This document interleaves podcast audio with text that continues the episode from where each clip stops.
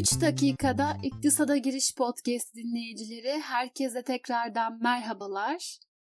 Ben Funda. Bugün sizlere helikopter para uygulamasından bahsedeceğim. Çünkü şu günlerde aslında Türkiye ekonomisinin gündeminde olan bir politika uygulaması. Hadi gelin daha yakından inceleyelim.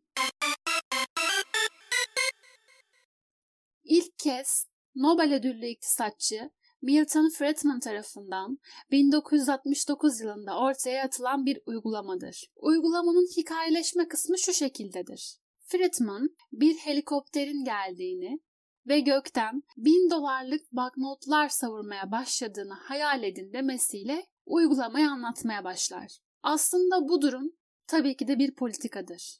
Deflasyonist bir ortamda hükümetin harcama programlarını doğrudan finanse etmesi olarak tanımlanabilir. Asıl ismi zaten para ile finanse edilen maliye politikasıdır. Belki bu yönden size birazcık tanıdık gelmiş olabilir. Yani kısaca açıklamak gerekirse şu şekildedir. Kamu kalıcı bütçe açıkları yaratarak harcama yapıyor. Daha doğrusu harcamalar yapıyor diyebiliriz.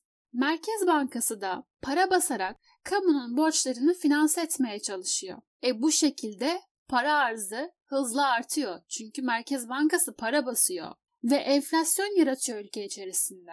Ama diğer taraftan bakıldığında kamunun yaptığı harcamalarla ekonomi toparlanıyor. Helikopter para olarak bilinen bu sistemin tabii ki de bir başka yolu daha vardır.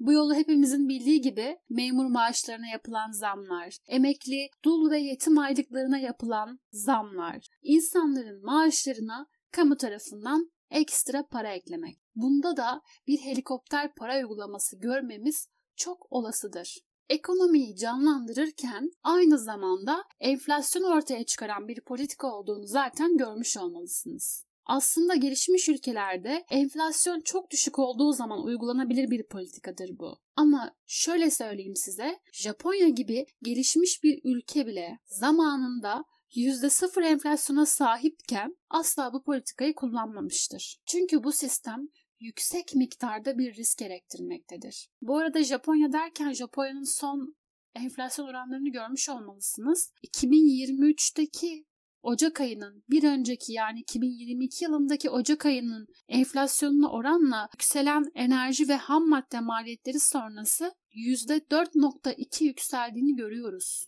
Ve bu Japonya için gerçekten büyük bir rakam. Çünkü biz şu an %0 enflasyonundan bahsediyoruz Japonya için. Yani demem o ki gelişmekte olan ya da gelişmemiş ülkelerde de bu sisteme uygulamak yani helikopter para uygulamasını uygulamak epey riskli. Çünkü bu ülkelerin zaten enflasyonu yüksek. E uygulanan bu politika neye yol açacaktır o zaman? Tabii ki de hiper enflasyona yol açacaktır. Bunun en iyi örneğini biz ne zaman gördük? 2011 yılında Arjantin'de gördük. Bu politikaya uygulamaları sonucunda enflasyon arttı, Merkez Bankası para basmaya başladı, tahvillerin hepsi temerrüde düştü. Helikopter para uygulamasında para direkt tüketiciye veya hane halkına ulaşır ki bunun piyasada etkisi daha kısa sürede görülür.